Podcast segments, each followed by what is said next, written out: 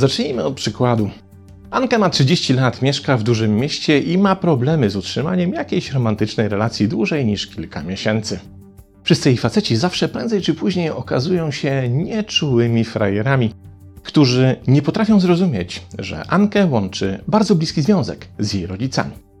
No przecież ich kocha i troszczy się o nich. Raz tylko się zdarzyło, że nie odebrała telefonu od mamy, kiedy była na imprezie i woli tego nie powtórzyć, bo kosztowało ją to sporo wyrzutów sumienia i poczucia winy. A mama przecież chce być na bieżąco, interesuje się wszystkim, co się dzieje w jej życiu. I co z tego, że ostatnio zrezygnowała z propozycji pracy w innym mieście za furę kasy, kiedy czuje się odpowiedzialna za to, by jej rodzice dobrze się czuli i byli szczęśliwi. Przecież oni tak się cieszą jej życiem, są tak dumni, zdaje się nawet, że jej sukcesy mają bezpośredni wpływ na ich poczucie własnej wartości. Tym bardziej, że często to właśnie jej rodzice doradzają jej, co ma zrobić, jakie podejmować decyzje prywatne i zawodowe. Zresztą, kiedy Anka rozmawia z mamą, ma się wrażenie, że rozmawiają dwie najlepsze kumpele, nie mają przed sobą tajemnic. Cóż w tym złego, że Anka udziela rodzicom emocjonalnego wsparcia we wszystkim, nawet w najbardziej osobistych sprawach. A ci durni faceci kompletnie tego nie rozumieją i jeszcze się jeden z drugim obrazi, że w łóżku odebrała telefon od mamy. A może to było coś bardzo ważnego? A zresztą wszystko jest zawsze ważne. Anka to czuje, zawsze się tym kierowała i zawsze czuła olbrzymią więź z rodzicami, a faceci, e tam, już lepiej byłoby chyba sprawić sobie kota. Drugi przykład. Grzesiek i Ola znaleźli się jak w korcu maku. Normalnie szał, spijanie sobie nektaru z dzióbków i wycinanie serc, przebitych strzałą miłości na wszystkim, co się da. Mają nawet takie serca wyhaftowane na majtach. Grzechu niebieskie, a Olka różowe. A poza tym Grzesiek za Olką po prostu przepada, świata poza nią nie widzi. Jakby się dało, to by se serducho wyrwał, zapeklował i usmażył, byle tylko jej dogodzić. Tak bardzo dba o jej dobre samopoczucie, że ukrywa przed nią wszelkie swoje zawodowe niepowodzenia, pogorszenia nastroju czy niepokoje. Bo najbardziej zależy mu na jej szczęściu. A niepokoje pojawiają się coraz częściej, głównie o to, czy Ola na pewno wszystko mu mówi bo i owszem, jest czarująca i zapewnia go o swoim oddaniu, ale Grzesiek wolałby mieć w tym względzie stuprocentową pewność. Dlatego coraz częściej woli unikać czasu spędzanego wspólnie z dawnymi przyjaciółmi. Przecież najfajniej jest, jak są wyłącznie we dwoje. Wtedy dopiero może się w pełni Olą zaopiekować. Tym bardziej, że przecież stale rozmawiają o jej potrzebach, jej marzeniach, pragnieniach i uczuciach. A im więcej tych rozmów, tym w Grześku większe poczucie odpowiedzialności za to, by Ola czuła się szczęśliwa. Obydwa powyższe przykłady skonstruowałem w taki sposób, by nie wyglądały jakoś specjalnie destrukcyjnie. Przecież zarówno Anka, jak i Grzesiek czują się spełnieni i szczęśliwi w swoich relacjach rodzinno-romantycznych. Czy coś tu zatem nie gra? Oj tak, i to grubo. Tego typu relacje nazywamy splątanymi. I tak naprawdę są głęboko destrukcyjne dla wciągniętych w nie osób. Budują fundamenty nerwic, stany lękowe. Często są odpowiedzialne za napady paniki i wiele innych mało wesołych, psychiczno-emocjonalnych problemów. Na początek jednak spróbujmy scharakteryzować taką relację i pamiętajmy, że wprawdzie splątanie pojawia się najczęściej pomiędzy rodzicami a dorosłym dzieckiem oraz pomiędzy dwojgiem ludzi pozostających w romantycznym związku. Jednak bywa również obecne w relacjach innego typu. To zaś, że na przykład przestrzeni zawodowej na osi podwładny szef czy wspólnik-wspólnik występuje rzadziej, nie oznacza, że ich skutki w takich sytuacjach są mniej groźne. Relacyjne splątanie zatem występuje w tych relacjach pomiędzy ludźmi, w których zostaje zaburzona równowaga pomiędzy dawaniem a braniem. W psychologicznej i socjologicznej literaturze anglojęzycznej często pojawia się tu termin relationship with no give and take, czyli relacja, w której jedna strona dużo więcej daje niż bierze od drugiej strony, a najczęściej wyłącznie daje, niczego nie otrzymując w zamian. Nazwijmy taką osobę dawcą, choć często używa się również nazwy ofiara relacji splątanej. Kim zatem jest biorca, czyli ta strona relacji, która wyłącznie bierze lub mówiąc inaczej, żeruje na energii dawcy?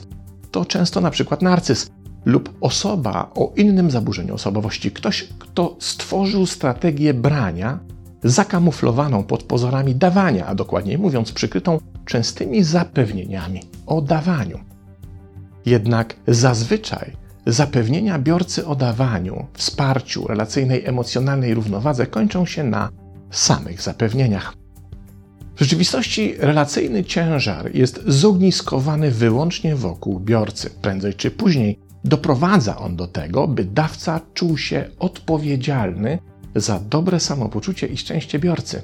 Biorca wykorzystuje dawcę do zaspokajania wyłącznie własnych potrzeb emocjonalnych, co prowadzi do tego, że w efekcie dawca nie może zostać w pełni sobą. Jego potrzeby emocjonalne oraz wszystkie pozostałe są spychane na dalszy plan. Uzależnia się więc od dawania. Im dłużej trwa ten proceder, tym dawca czuje większe uzależnienie. To tak jakby wsiąkał w tę relację, która sukcesywnie pożera wszelką jego indywidualność i z której z biegiem czasu jest coraz trudniej się uwolnić. Dodatkową trudnością jest fakt, że biorca w umyśle dawcy konstruuje perspektywę bliskości, Dawca więc, odpowiednio wyedukowany przez biorcę, widzi te relacje nie jako uzależnienie, ale jako głęboką, intymną bliskość. Zobacz, jak my się rozumiemy, przekonuje biorca, jak jesteśmy ze sobą blisko, jak wspaniałą emocjonalną więź udało nam się ze sobą zbudować. Dzięki tej strategii dawca ulega iluzji, nie postrzega relacji w kategoriach emocjonalnej opresji, tylko w kategoriach szczęśliwego związania będzie bardziej skory do zaprzeczania, że coś tu jest nie tak. Będzie negował pochodzące z zewnątrz sygnały o tym, że w tej relacji tak naprawdę jest ofiarą, a nie pełnoprawnym partnerem. To dlatego Anka uznaje, że jej byli faceci to kompletni samolubni idioci i najchętniej wymieniłaby ich na kota. I to dlatego Grzesiek unika wspólnych spotkań z dawnymi znajomymi, bo ich uwagi, że on w tym związku wchodzi w stosunku do Oli w rolę ojca i przegina z tą nadopiekuńczością, wyłącznie go drażnią i wywołują w nim agresję. W rzeczywistości jednak zarówno Grzegorz, jak i Anka w swych relacjach tracą energię. Z biegiem czasu będą stawali się coraz to bardziej zmęczeni i coraz bardziej sfrustrowani. I nawet jak będą za ten stan rzeczy zwalać winę na wszystko dookoła, to u źródeł ich życiowego wyczerpania będzie zawsze stała relacja splątana. Co więcej, tutaj też pojawia się dodatkowy problem. Otóż okazuje się, że tendencje do wchodzenia w relacje splątane często są nam przekazywane jako dziedzictwo poprzednich pokoleń. Uznaje się, że ta dysfunkcja relacyjna jest często w naszych rodzinach przekazywana z pokolenia na pokolenie. My zaś poddajemy się jej tym łatwiej, kiedy wychowaliśmy się w rodzinie, w której takie splątanie się pojawiło, i wówczas ten rodzaj relacyjnej dysfunkcji odtwarzamy jako wzorzec, bo często ta dysfunkcja była nam definiowana jako przykład bliskości lub głębokiej więzi. Słyszeliśmy, że wujek Kazik za ciocią Helenką to by w ogień skoczył. Mama by wszystko oddała, żeby tata się uśmiechnął, a dziadek to tak szalał za babcią, że jeszcze po osiemdziesiątce ją ganiał po podwórku w celach lubieżnych, wśród wrzasków wystraszonych kur i oklasków zgromadzonych u płota sąsiadów. Jednak umknęło nam to, że w drugą stronę te relacje nie były takie same. Ciocia Helenka nie wskoczyłaby za wujkiem Kazikiem nie tylko w ogień, ale nawet do tego samego autobusu. Tata generalnie mamę wykorzystywał ile się dało, a babcia zwiewała przed dziadkiem też nie bez powodu. Jak zatem poradzić sobie z taką destrukcyjną, relacyjną dynamiką? Otóż pierwszym i podstawowym krokiem jest świadomość tego, czy nasza relacja czasem nie spełnia warunków opisanych w dwóch powyższych przykładach i nie pojawiają się w niej ewidentne dowody na to, że zamiast równowagi, wymiany dawania i brania, Istnieje jedynie strumień dawania w jedną stronę bez otrzymywania w zamian czegokolwiek. Istnieją zaś cztery czerwone lampki kontrolne, dzięki którym my możemy sprawdzić, czy czasem nie znaleźliśmy się w splątanej relacji. Pierwsza lampka to ukrywanie własnych uczuć, by nie narazić się na negatywną relację po drugiej stronie, czyli na przykład udawanie, że wszystko jest w porządku, podczas gdy jest zgoła inaczej. Druga lampka to poczucie odpowiedzialności za jakość życia drugiej strony relacji, oznaczające ułatwianie jej życia własnym kosztem, czyli na przykład rezygnacja czy odkładanie własnych ważnych spraw, by poświęcić czas na spełnienie czyichś wymagań, czy też podtrzymanie czyjegoś dobrego samopoczucia. Trzecia czerwona lampka powinna się zapalić w momencie, w którym odkrywasz, że spędzacie czas wyłącznie razem, a nigdy osobno, zaś druga strona relacji stała się dla ciebie centrum wszechświata, a cała reszta Twoich kontaktów stopniowo została zepchnięta na margines. Czwarta lampka to dążenie do doskonałości.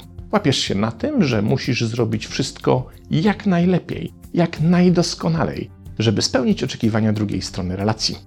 Takie zachowanie opisuje się czasem jak chodzenie po skorupkach jaj. Maksymalnie ostrożnie, żeby tylko zadowolić drugą stronę, bo każde zgniecenie skorupki może być przez tę drugą stronę odebrane jako zgrzyt w waszej relacji, a tego chcesz przecież za wszelką cenę uniknąć. Trzeba też zaznaczyć, że wspomniana wcześniej samoświadomość, czyli detekcja którejś z czerwonych lampek, działa wyłącznie wówczas, jeśli dawca w relacji splątanej sam dostrzeże jej światło. Nie da się bowiem zapalić jakiejkolwiek czerwonej lampki w cudzej głowie. Nie da się naprawić takiej relacji za kogoś. Jeśli widzisz, że ktoś z Twoich znajomych wplątał się w taką sytuację, to nie da się go z niej wyplątać wbrew jego woli i świadomości. Nie da się przetłumaczyć Ance czy Grześkowi, w czym tak naprawdę tkwią, jeśli sami nie chcą tego dostrzec. Bo świadomość czerwonych lampek działa wyłącznie wówczas, jeśli jest autoświadomością. I dopiero od spełnienia tego warunku może rozpocząć się proces wychodzenia ze splątania. Ten zaś zawsze wiedzie poprzez indywidualizację. I tak jak do świadomości wiodą cztery czerwone lampki, tak kontynuując tę metaforę, możemy oświetlić drogę wyjścia z relacji splątanej czterema kolejnymi zielonymi lampkami. I w tym celu posłużymy się koncepcją Sharon Martin, psycholog, autorki książki Podręcznik warsztatowy perfekcjonizmu. Pierwsza zielona lampka to zatem ustalenie nowych granic, które de facto oznacza ustalenie nowego poziomu równowagi pomiędzy dawaniem a braniem, obejmującego wszystkie aspekty relacji: emocje, bliskość, przestrzeń prywatną, autonomię, wsparcie itd. Tak Druga zielona lampka to ponowne odkrywanie, kim jesteś, czyli odzyskanie tych indywidualnych cech, potrzeb i wartości, które w splątanej relacji zostały odsunięte na dalszy plan lub w ogóle pominięte. A to oznacza koniec tłumienia własnych zainteresowań, celów, marzeń, pasji, przekonań, wizji świata oraz koniec kierowania się tym, czy ktokolwiek zaakceptuje to, czym się kierujesz, co lubisz, co uznajesz za ważne i właściwe. Trzecia lampka to pozbycie się poczucia winy, bo to ono jest często w związkach splątanych podstawą manipulacji, której dokonuje biorca nadawcy. I tutaj warto się wesprzeć narzędziami służącymi pozbyciu się poczucia winy. Jest ich sporo, między innymi w mojej książce Święty Spokój Instrukcja obsługi emocji. Czwartą zieloną lampką, która według Sharon Martin jest niezbędna na drodze do wyzwolenia, jest uzyskanie wsparcia, czyli na przykład praca z psychoterapeutą. Moim zdaniem nie jest to warunek niezbędny. Dysponujemy bowiem, pod warunkiem, że uzyskaliśmy autonomiczną świadomość, wszelkimi potrzebnymi narzędziami kognitywnymi do samodzielnego poradzenia sobie z tym problemem. Jeśli jednak uznasz, że potrzebujesz wsparcia, wybierz mądrą i sprawdzoną pomoc psychologiczną. Moim zdaniem terapia transpersonalna w takim wypadku sprawdzi się o wiele lepiej i przyniesie szybsze efekty niż tradycyjna psychoterapia. Natomiast niezależnie od tego, jaką drogę wybieramy, warunkiem jej rozpoczęcia, a więc docelowo również sukcesu, jest prawidłowa i samodzielna detekcja przynajmniej jednej z czterech czerwonych lampek. Pozdrawiam.